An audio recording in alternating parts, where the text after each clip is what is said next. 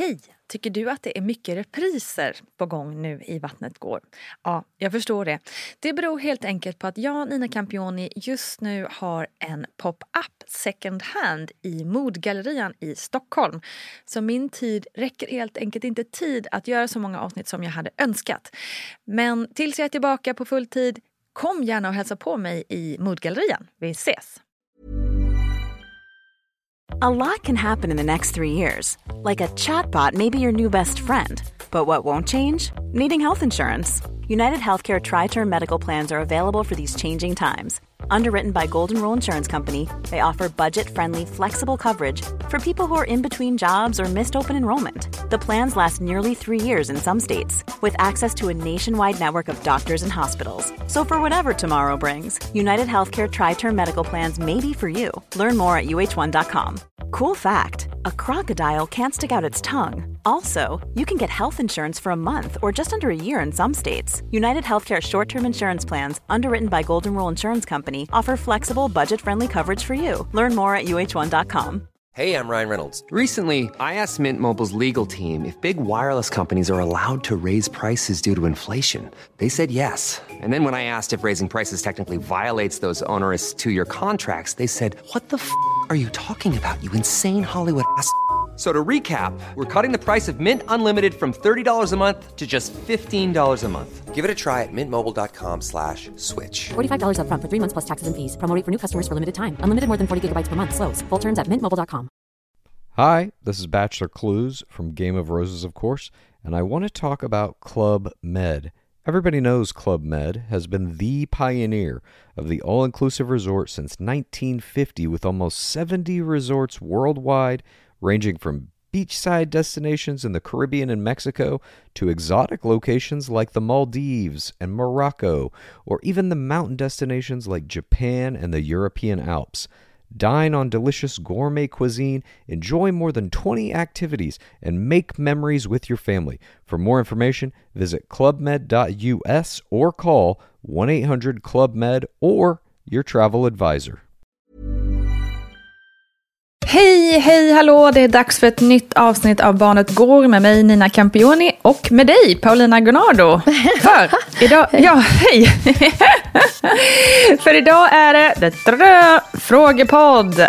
Jag älskar faktiskt de här frågepoddarna för man får så mycket olika insikter och så mycket spännande nya lärdomar, eller vad säger du? Ja, men eller hur? Och det är kul också eh, när man får lite, lite bakgrundsfakta kring frågan och kan eh, ja, men få klura lite. Ja, man... men exakt. Jag förstår det, att det blir ju liksom för dig att gräva ner dig lite mm. i. Så det kan man också tipsa då ni som skickar in frågor på vattnetgar.gmail.com. Att ge gärna lite bakgrundsinfo till varför ni har problem med en viss sak eller vad ni undrar över och sådär. För då blir det ju kanske ännu mer personligare svar tänker jag. Och ännu ja, bättre svar på något sätt. Och mer konkret. Så. Just det. Mm. Vi kör igång va? Det gör vi. Hej, tack för en underbar podd. Jag hoppas kunna få råd och stöd i lite av denna oro som jag bär på. Jag är en mamma på 26 år med en nu treårig dotter. Jag bor tillsammans med min man och njuter av varenda sekund av familjelivet. Men min egna uppväxt går att beskriva som en mycket turbulent med en mamma med både alkoholproblem och psykiska problem som senare fått diagnosen bipolär. Jag har alltid fått ta stort ansvar över mitt yngre syskon och alltid levt med en konstant oro och ångest över min mamma och hennes dagsform. Min uppväxt har varit kantad av ständiga suicidhot från min mamma och jag har lite fungerat som hennes terapeut. Min mamma ställer stora krav på mig vad det gäller stöd. Eh, exempelvis ska jag åka flertals mil för att hjälpa henne handla, ta hand om hennes hundar och jag försöker sätta gränser och begränsa mitt stöd och jag själv inte riktigt har ork eller lust och dessutom inte vill att detta ska påverka min dotter. Och när jag sätter gränser så drabbas jag alltid av enorma skuldkänslor och oro för vad min mamma kan tänkas göra mot sig själv som hämnd. Och dessutom hur mina gränser även drabbar mig och min dotter. Hon har bland annat hotat med att inte komma på min dotters födelsedag och bryta kontakten med mig och sluta svara på mina kontaktförsök och så vidare. Och detta ger mig då ännu mer skuldkänslor då min dotter älskar sin mormor och gärna vill ha henne i sitt liv. Nu till min fråga efter en väldigt luddig beskrivning. Nej, det tycker jag inte. Hur ska jag kunna sätta gränser och leva mitt eget liv utan att drabbas av ångest och skuldkänslor? Jag har funderat på att bryta kontakten. Men kan man göra det? Tacksam för svar. Ja, det här beskriver ju den oerhört svåra situationen som barn eh, tidigare har hamnat i som hon och som barn hamnar i fortfarande idag. Eh, när de måste ta ansvar för en förälder på grund av till exempel psykisk ohälsa, mm.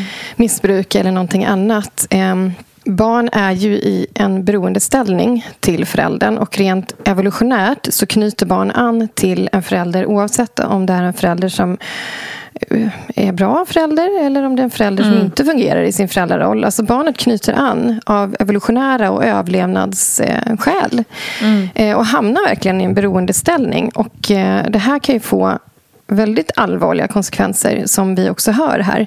Inte bara genom hela barndomen utan in i vuxen ålder och in i nya relationer. Just det. Eh, och det här är en av anledningarna också till att jag föreläser om orosanmälan. Alltså hur viktigt det är att det här upptäcks tidigt. Eh, att barn som hon här får hjälp tidigt och att eh, föräldrar får stöd i att få bukt på sin psykiska hälsa och, och eh, mm jobba med sitt missbruk så att man kan bryta missbruket. Mm. Ja, för hon ehm. skulle ju liksom fått hjälp när hon var barn med det här. Ja, ja. exakt. Och, och hennes mamma skulle ha fått hjälp. Ja. Eh, och stöd i sitt föräldraskap också. för barnens skull. Liksom. Och det är mm. ju... Eh, föräldrastödet har ju utvecklats och förbättrats. Så det ser ju bättre ut idag. Men vi vet ju att det är, det är ju fortfarande barn idag som, som upplever det här som hon beskriver. Det pågår ju just nu. Liksom. Mm. Eh, och de här mönstren som hon beskriver eh, av att man får skuld och skam och en mamma som lägger väldigt stort ansvar på en och man är under hot. Alltså att en förälder kan hota med att ta sitt liv till exempel eller bryta ja. kontakt och sådär.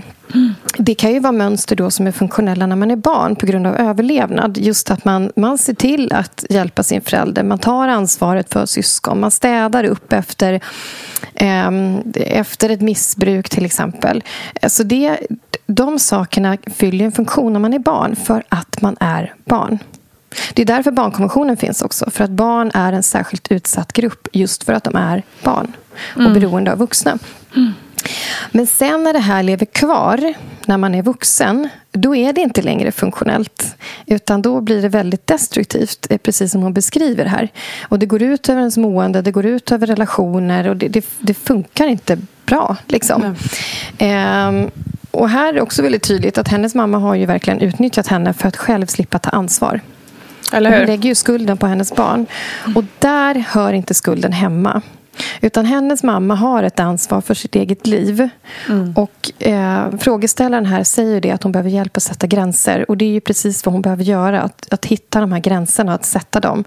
Eh, vi har ju någonstans liksom både ett medmänskligt ansvar för, för varandra. Och det är i grunden någonting fint och någonting bra. Att hon känner så här.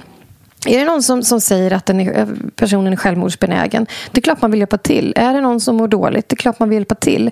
Men här spelar ju hennes förälder på de här, på de här känslorna. På det här som i grunden är någonting så, så bra och fint och värdefullt. Liksom. Men förutom att vi har ett medmänskligt ansvar för varandra så, så tar inte det bort det egna ansvaret som människor har över sina egna liv. Nej. Och där någonstans går ju en gräns. Och också att vi hamnar inför det faktum att vi inte har makt över allting. Vi kan inte påverka människor. Vi kan liksom inte leva andra människors liv och stötta upp i alla lägen där en annan människa brister. Eh, och det jag tänker är så att, att eh, på sikt när hon sätter gränser för sig själv så kan det också öppna upp för att mamman i det här fallet måste ta hand om sitt eget liv. Då, och då kommer vi till, till eh, frågan här då. Hur ska jag kunna sätta gränser och leva mitt eget liv utan att drabbas av ångest och skuldkänslor?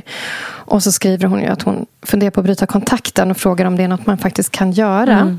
Och här tänker jag så här att det här att, att sätta gränser och att hitta sina gränser det är ju en en egen process. För att mm. I det här fallet så är det så djupt rotat eftersom det har med barn och föräldrarelationen att göra mm. sen hon var barn. Det här är någonting som hängt med så länge.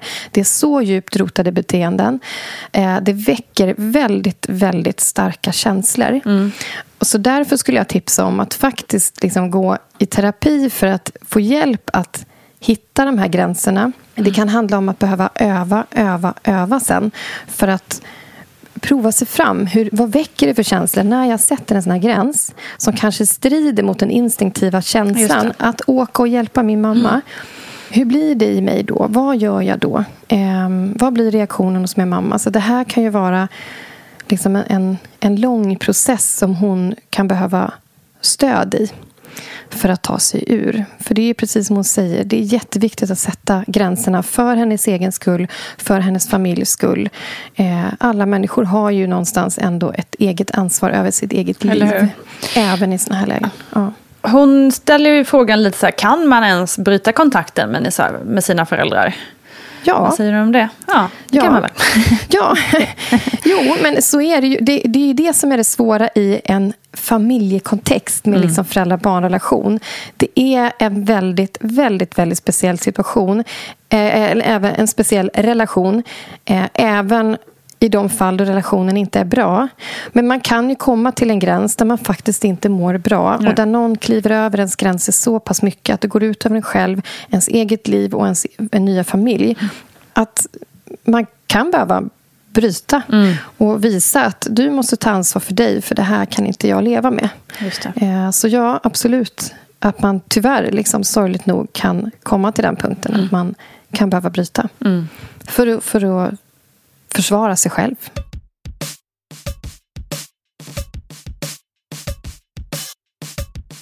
Ja, tufft äh, läge helt klart. Men äh, terapi låter som en väldigt bra väg framåt. Mm. Vi går vidare. Jag har en snart nio månaders son som i stort sett bara vill äta rotfruktsgryta låter ju sjukt nyttigt. Det kan, vi, det kan vid enstaka tillfällen gå med annan mat också. Men i nio fall av tio måste det blandas med rotfruktsgryta. Han har svårt när det blir bitar i maten och jag vet inte riktigt hur jag ska göra för att vänja honom vid bitar. Han får nu då burkmat. Han äter dessutom bara om han får leka med något samtidigt. Får han inte något eller kanske en speciell leksak han siktat in sig på så vägrar han att öppna munnen. Ska han få fortsätta leka medan han äter? Jag vet inte riktigt hur jag ska få i honom mat annars. Mm. Det är jättevanligt. att mm. Både med att de är väldigt selektiva och bara vill äta typ en eller två saker. Eh, mm. Att det är svårt med bitar och att man sitter med leksaker. Många som sitter med paddor och sådär när man ska äta. Mm. Eh, och där skulle jag säga så här, det, man kan verkligen säga bu eller bä här. För att leksaker kan man absolut ha. Ehm, eller sysselsätta sig med någonting lite grann. Läsa en bok eller någonting. Men det är som hon säger, eller som jag misstänker att det blivit här, att det blir ett problem till slut. Men det, det mm. måste vara leksak, annars vägrar man öppna munnen och vill inte äta. Eh, en negativ effekt som också kan komma med det här det är att man tar bort det positiva med maten. Alltså det man ska göra i den här åldern, när man ska upptäcka smaker, dofter, konsistenser. Eh, precis det här som man vill introducera som förälder. Men, det är ju nästan alltid män, eh, för barn är olika och en del barn behöver faktiskt att det händer lite mer vid matbordet. Och så är det med oss vuxna också. En del tycker att det är helt okej okay att äta själv och en del dra på några nyheter eller någonting eller en podd medan de äter själv. Men liksom många vill ju ha något sällskap vid matbordet och sitta och prata med någon så länge. Mm. Och, och, med barn kan man också märka det här att de vill ha att det ska hända lite. Just det. Och då kommer ju paddan fram eller leksaker fram. Mm. Och här skulle jag i så fall tipsa om att göra någonting som kanske är lite mera så här, relationsskapande. Så att man inte tar med sig saker till matbordet eh, som man blir lite beroende av. Utan att man kan prova att sjunga tillsammans. Eh, man kanske kan leka med fingerdockor. Man kan göra ramsor. Prata gärna om maten också.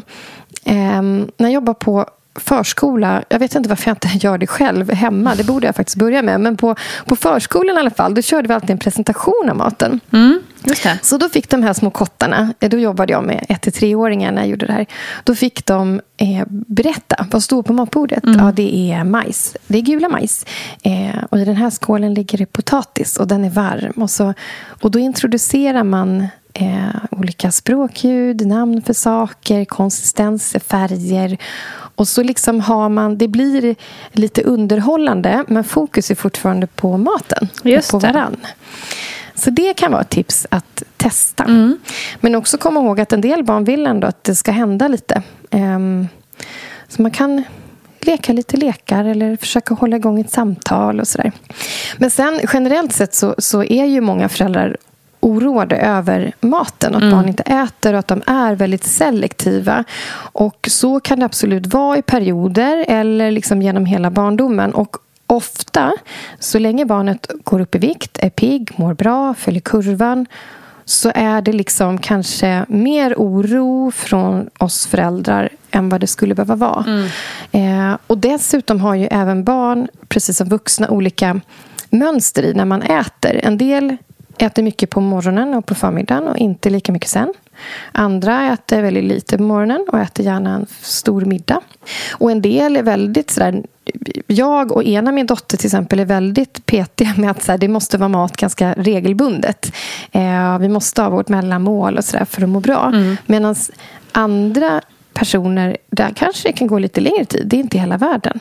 Och det kan ju ta ett tag innan man märker hur ens eget barn fungerar. Och så blir man kanske jätteoroad över att barnet inte äter lunch. Ja, men, men, sen äter barnet bra till, till middag istället. Mm. Och sen har vi varit inne på det här tidigare också att, att barn kan vara olika känsliga eh, för konsistenser, smaker, dofter. Och en del eh, sväljer inte allt med hull och hår och vill liksom ha de här bitarna. Och Då kan man nog behöva ta det lite långsamt framåt istället. Mm. Fortsätt med lite mindre bitar. Introducera större bitar eh, lite pö om pö i barnets mm. takt. Liksom. Mm. Eh, för det, det är också vanligt. Ja, men precis. Ja. Jag tänker att det här med rot... Alltså, jag förstår att det är frustrerande för henne, men man kan mm. i detta läge kanske tänka fasen rotfruktsgryta. Shit vad man får med i sig mycket nyttigheter mm. i det. Liksom. Uh, så det är positivt i alla fall tänker jag. Mm. Mm. ja.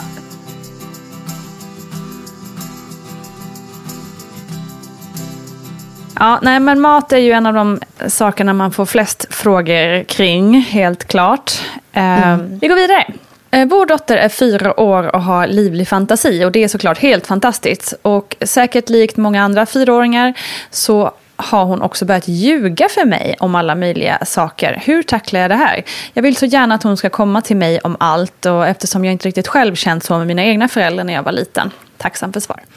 Här funderar jag lite på vad vad ljuger barnet om? Just det. Är, det liksom, är det allvarliga saker, typ att barnet har gjort något och så river ner någonting och någonting går sönder mm. och så vill barnet inte ta ansvar och slänger, slänger ur sig en lögn? Liksom. Eller är det bara Typ, jag har varit hos mormor i helgen. Eller jag har varit på utflykt med förskolan. Och mm. så kommer det fram att nej, det har inte barnet alls ja, varit. Eh, så vad är det för typ av lögner som barnet ägnar sig åt? För att, att ljuga det, det signalerar ju någonting väldigt negativt för oss. För det är dåligt att ljuga. För mm. det blir väldigt svårt i relationer liksom, mm. och i kommunikationen. Men, men med så här små barn så är det väldigt vanligt att de de ljuger lite. De kan precis ha börjat upptäcka att det går att ljuga. För i den här åldern så händer någonting som man kallar för theory of mind. Alltså det som beskrivs i theory of mind med mentalisering. Att de börjar förstå att du tänker något annat än vad jag tänker. Och det jag tänker, det vet inte du om du inte frågar eller jag berättar. Och det jag känner, det vet inte du vad jag känner om jag inte berättar det. Och jag vet inte vad du känner. Innan så liksom tror barn att man har samma information. Gömmer jag en grej, då vet du automatiskt vart den är. Mm. Så i den här åldern så börjar barn ljuga faktiskt. För att de har knäckt där, aha, jag vet saker du inte vet. Det. Eh, och det kan vara lite kul för dem. Mm. Eh, så, så det jag tänker här är, så här, dels vad är det för saker hon, barn, det här barnet ljuger om? Mm. Eh, är det liksom allvarliga grejer, att barnet skäms eller inte vill ta ansvar? Eller är det bara det är lite fantasi bara. Och De kan ju inte heller skilja på fantasi och verklighet så bra i den här åldern. Ehm, man gjorde en studie på förskolebarn där de fick läsa en berättelse om att det var någon, någon slags figur då som hade varit på förskolan och förstört saker så att saker gick sönder. Ja. Och Det här var ju bara en bok. Men de läste den och pratade om den här figuren så mycket att barnen blandade ihop fantasi och verklighet. Mm. Så när de sen var där och frågade alltså, vem har tagit sönder den här saken? Då var barnen helt säkra på att det var ju den här figuren. Ja, ja, ja. De, de kunde verkligen inte greppa skillnaden mellan fantasi och verklighet. Eh, så här, det jag tänker liksom som, som konkret tips det är att håll, gör det inte så avancerat med tanke på att det här är så nytt i deras hjärnor. Mm. Att de de börjar förstå att det går att ljuga överhuvudtaget. Hjälp istället barnet att skilja på fantasi och verklighet. Ibland kan det vara så att de fantiserar om någonting de, någonting de väldigt gärna vill ska hända. Mm. Typ, åh, jag, jag ska åka till mormor i helgen. Eller, och vi var på utflykt och matade ankor med förskolan. Och så har det inte hänt. Mm. Och då kan man ju prata med barnet. så här, ehm, är det så att du skulle det vara kul att åka till ankorna och mata? Och, um, och då kan man också prata med barnet om det här som du funderade på. Det, det är någonting vi kan fantisera om. Vi kan hitta på en saga om det. Men sen kan vi göra det på riktigt i helgen. Just det. Um, så. så det är någonting man kan göra. Och sen tänker jag också... Hon beskriver ju någon form av oro för att hon inte ska vi se vad det står. Jag vill så gärna att hon ska komma till mig om allt mm. eftersom jag inte själv har känt så med mina föräldrar när jag var liten. Mm. Grunden läggs ju för det här när barnen är små genom att barn får veta att vi som föräldrar finns där för dem, att vi lyssnar på dem, att vi är intresserade, att vi inte skuldbelägger eh, om de berättar någonting de har gjort, mm. utan att vi lyssnar och bekräftar och mm. hjälper barnet. Men däremot så det här som beskrivs i frågan eh, gör inte att jag tänker att det här är någonting att oroa sig för utan att det här är något som händer väldigt naturligt ja. i den här åldern. Ja, vad skönt. Det gillar man ju ändå när det blir slutklämmen. Ja. man inte behöver oroa sig så mycket.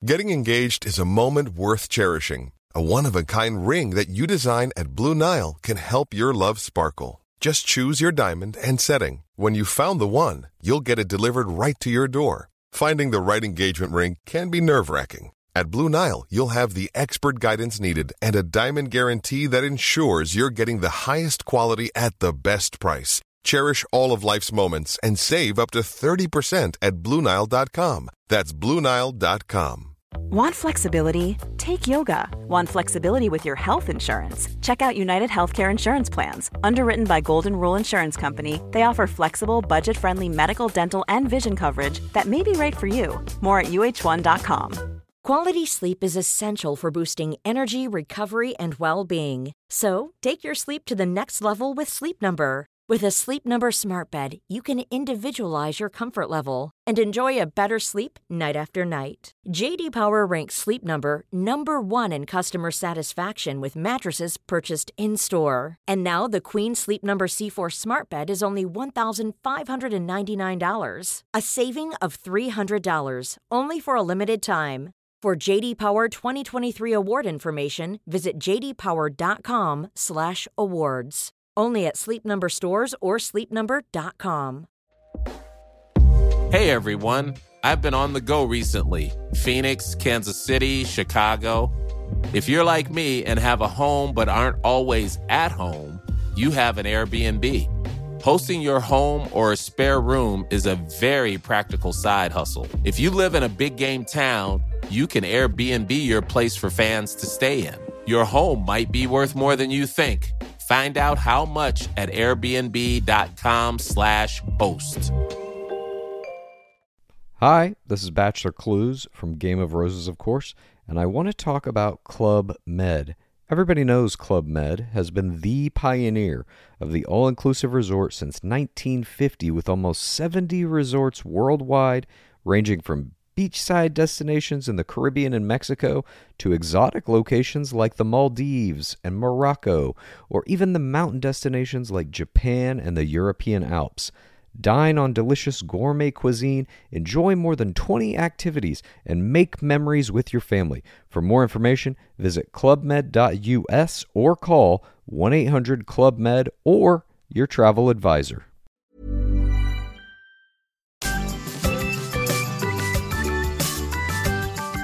Vi kör nästa fråga. Hej Nina och Paulina. Jag har en dotter på snart sju år och jag upplever att det är svårt att komma henne nära rent verbalt. Vi är lite inne på det vi pratade om innan, att man vill att man ska kunna prata mycket. Eh, mm. Fysiskt och liksom kramigt och så vidare är det fortfarande min lilla gumma inom citationstecken. Och hon vill ofta vara nära, men det är liksom alltid, jag vet inte, när jag undrar vad hon har gjort idag eller hur hon har haft det, eller ja, jag minns inte. Ibland kan hon självmant komma och berätta och vid matbordet brukar hon ofta säga, men hallå, ska ni inte fråga mig hur jag har haft det idag? Eh, så det verkar inte vara så att hon inte vill prata. Men det känns lite som en kamp samtidigt som hennes vänners föräldrar alltid säger åh, hon är så rolig och berättar så mycket när hon har varit och lekt hos dem. Och då känns det ju lite snopet som mamma liksom. Hur ska jag göra för att komma henne närmare i det här? Tack. Åh, oh, ja. Eh, förstår att det känns jobbigt att hon pratar med andra men inte hemma. Ja, eller hur? När man vill ha kontakten. Ja. Eh, dels så tänker jag att det är ganska kontextberoende. Liksom, eh, vi vet ju inte så här, vad pratar hon om hemma hos de andra. Och är det att hon det blir lite mer fritt, att hon bubblar ur sig någonting och så kanske deras barn är ännu tystare och tycker att hennes barn pratar mycket. Eh, så vi vet inte riktigt så här, kontexten där.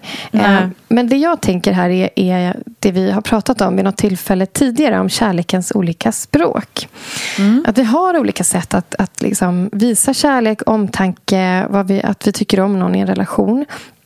Och vi har också olika sätt att, att ta emot det. Och då kan det ju vara så att man, man har ett språk då som heter ord. Att man väldigt gärna vill prata eh, för att bekräfta att jag tycker om dig, jag är intresserad av dig.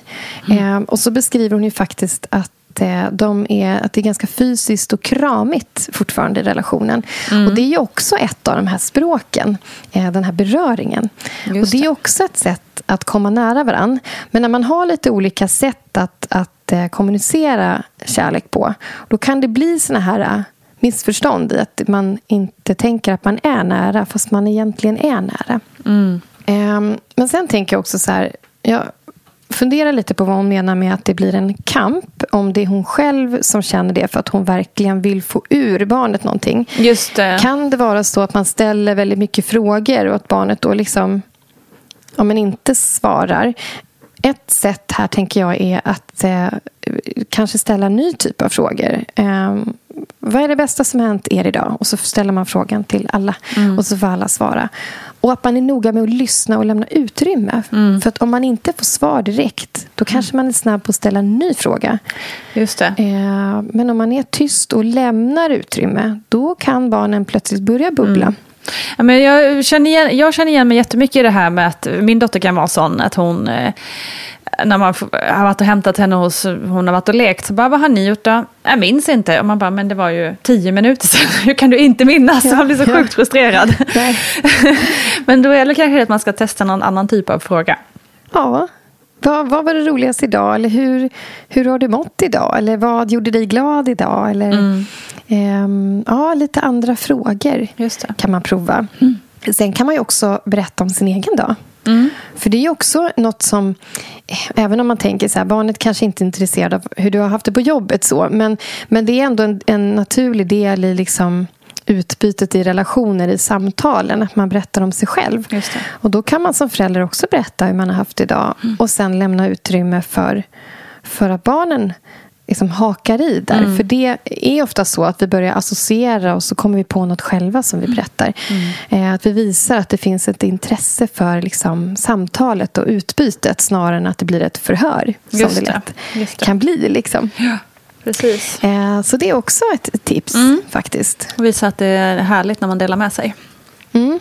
Och sen också fundera, finns det andra stunder på dagen som hon hellre pratar? Mm. Det kan ju vara så när man kommer hem från en aktivitet att Nej, men man har pratat så mycket och lekt så mycket så man kanske inte är så intresserad just då. Nej, precis. Och den här tjejen verkar ju göra det tydligt att hon bara vid matbordet, nej men hallå, ska ni inte fråga mig nu? Ja, så ja. Där, där verkar ju vara hennes gyllene läge. Precis, så kan mm. det vara. Mm.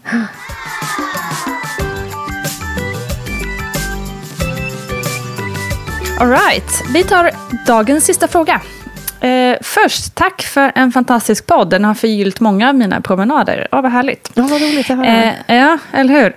Min son är en glad och fantastiskt nyfiken liten filur på 11 månader. Han har sedan han bara var ett par månader gammal vaknat typ varannan timme under natten. Och gör så fortfarande. Han sover annars igenom nätterna då han somnar om väldigt lätt för hans levande napp, det vill säga jag då, finns till förfogande bredvid eftersom vi samsover.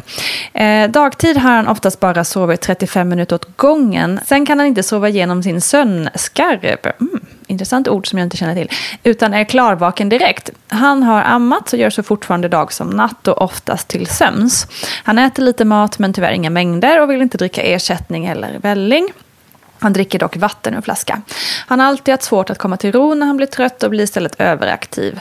Han har nästan alltid somnat i bröstet och är det enda sättet att få honom att varva ner. Det finns tillfällen då han somnar i vagn och sele, men nästan aldrig i bilen. Försöker jag söva utan bröst och ge, eller ge flaskan när han är hungrig blir han oerhört ledsen och arg och gråter och gråter och mamman tycker synd om liten och låter honom amma till slut. Men nu känner sig den här mamman ganska sliten och vill börja avsluta amningen, kan man förstå. Han verkar inte heller hålla sig mätt särskilt länge längre. Och kanske sover han längre och bättre utan amning, tänker jag. Men hur ska jag lyckas avsluta amningen? Är det bäst att avsluta tvärt och låta honom bli ledsen och till sist hoppas att han tar flaskan eller äter mat? Ska jag sluta både dag och natt eller det ena först? Eller ska jag sluta amma till sömns först och sen när det går sluta amma helt? Och det här att han har svårt att komma till ro när han blir trött, hur kan jag hjälpa honom med det? Ja, sluta amma. Det är inte helt eh, glasklart alltid. Nej, det är det verkligen inte. Um, men ibland så går det ju lättare än mm. vad man tror. Mm. Man kanske målar upp en bild av att så här, det här kommer bli svårt. Men, men ibland så hittar barnen de nya vanorna och nya rutinerna snabbare än vad man faktiskt kanske har trott. Mm. Uh, och sömnbrist är ju hemskt. Alltså att hon behöver ja, sliten det kan jag, skriva kan jag förstå. Ja, eh, och det är ju heller inte så bra i längden. Liksom. Så att full förståelse för att hon vill att nattsömnen ska bli bättre. För mm. den är ju väldigt viktig. Mm. utan att förstås tumma på liksom, eh, trygghet och när, närhet. För i det här fallet handlar ju inte amningen på natten om näringsintaget. Utan just att hon beskriver det som att hon är en levande napp. Eller ja. Att det blir liksom eh, en trygghetsgrej för att komma ner i varv och sådär. Mm. Jag är ingen amningsexpert så jag svarar ändå i all ödmjukhet. Men däremot så tänker jag att, att mycket av det här med vanor och rutiner det är ändå mitt område. Yes. Eh, och det jag tänker då är ju att man inte ska sluta tvärt både dag och natt. För det okay. kan bli för, en för stor omställning. Mm. Det tror jag i alla fall. Det finns säkert personer som, som eh, tipsar om det. Men generellt sett så kan man också tänka att sluta inte med napp samtidigt. Eh, ta inte bort eh, nappen samtidigt som det är förskolestart till ja, exempel. Att man försöker ta in amningen eller vad det nu är man ska förändra för barnet i liksom ett större sammanhang. Just det, vad händer i övrigt just nu? Mm. Är det mm. någon knepig fas? Mm. Har barnet växtverk just nu? Är det tandsprickning precis just nu? Eller något annat som händer så att man liksom inte... Jag tänker att man ska planera in amningsavslutet eh, med Gärna med någon ledighet om det finns. Just det. Eh, om det är lov eller, eller någonting, eller man har semester eller så. Eh, så att man har lite utrymme också för att kunna få hjälp på nätterna till exempel. Ja. Um, så. så det bara inte men, blir för mycket på en gång? Liksom, ja, men ja, precis. Mm. precis. Mm. Um, och det här med flaska verkar han ju inte vilja ha. Och Det kan ju också vara för att innehållet är lite som mjölken och man vill hellre ha mjölken och bröstet. Mm. Liksom. Um, så där kan det vara att också planera för en annan typ av, ett annat sätt att somna om. Mm. Och under den här liksom övergångsfasen, när man kommer in i ny rutin och ny vana, då kan det bli liksom förvirring, barnet är ledset, barnet är argt. Men barn i den här åldern kan också hitta ett nytt sätt att somna om med tiden. Så mm. att man kan ändå räkna med att det kan bli ett gäng jobbiga nätter. Men sen kommer det också lägga sig till slut. När, om man då är konsekvent med att nu finns inte bröstet. Nej. För att annars är ju risken om man ger bröstet efter ett tag att barnet förstår att om jag, om jag ropar tillräckligt Exakt. på det här nu så, så kommer bröstet. Liksom. Mm. Men samtidigt inte tumma på närheten och tryggheten och hjälpen att liksom somna om. Men det går ju att få på, på andra sätt. Liksom. Mm. Och då kommer vi någonstans in på nästa eh, fråga eh, om att det här barnet har lite svårt att komma ner i varv. Var det, Ja, komma precis. Till komma till ro. Ja och kanske snarare blir överaktiv. För mm. så kan det ju vara. Mm. Att en, en del barn när de blir trötta de, de slänger sig på soffan och somnar eller de blir ganska såsiga och mm.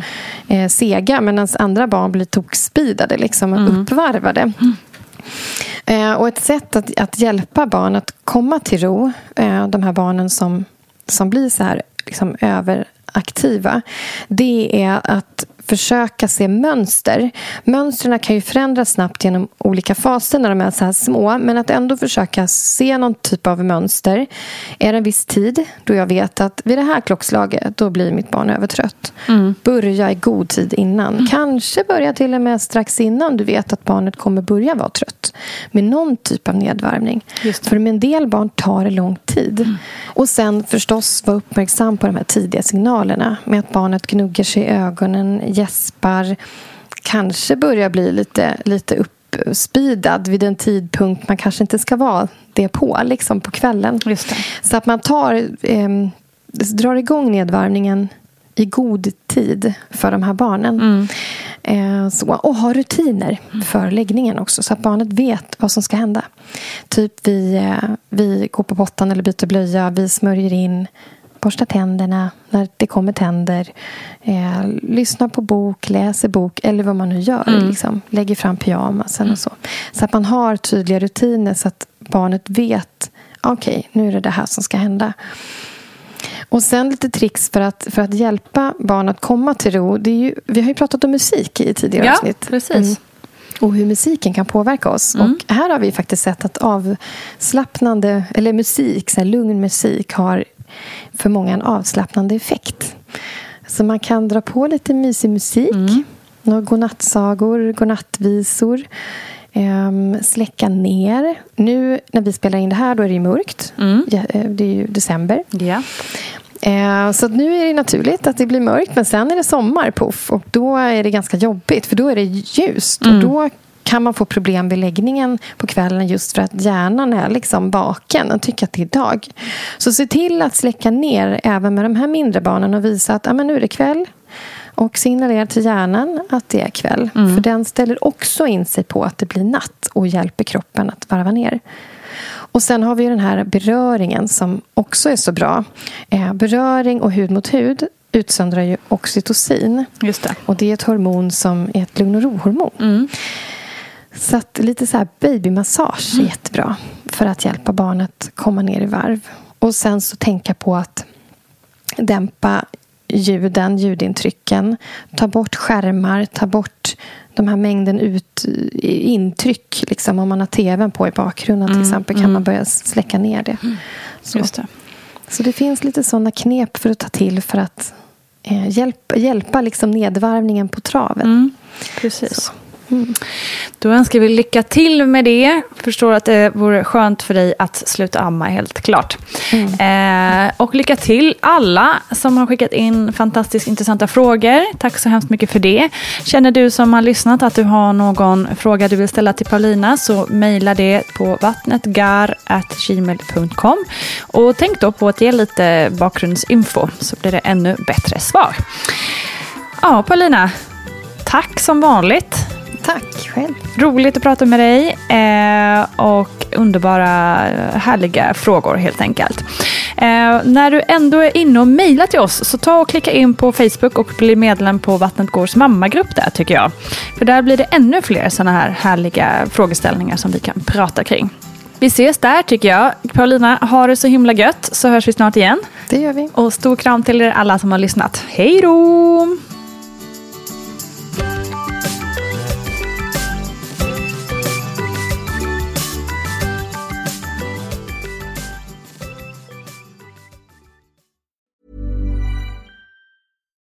Hi, this is Bachelor Clues from Game of Roses, of course, and I want to talk about Club Med.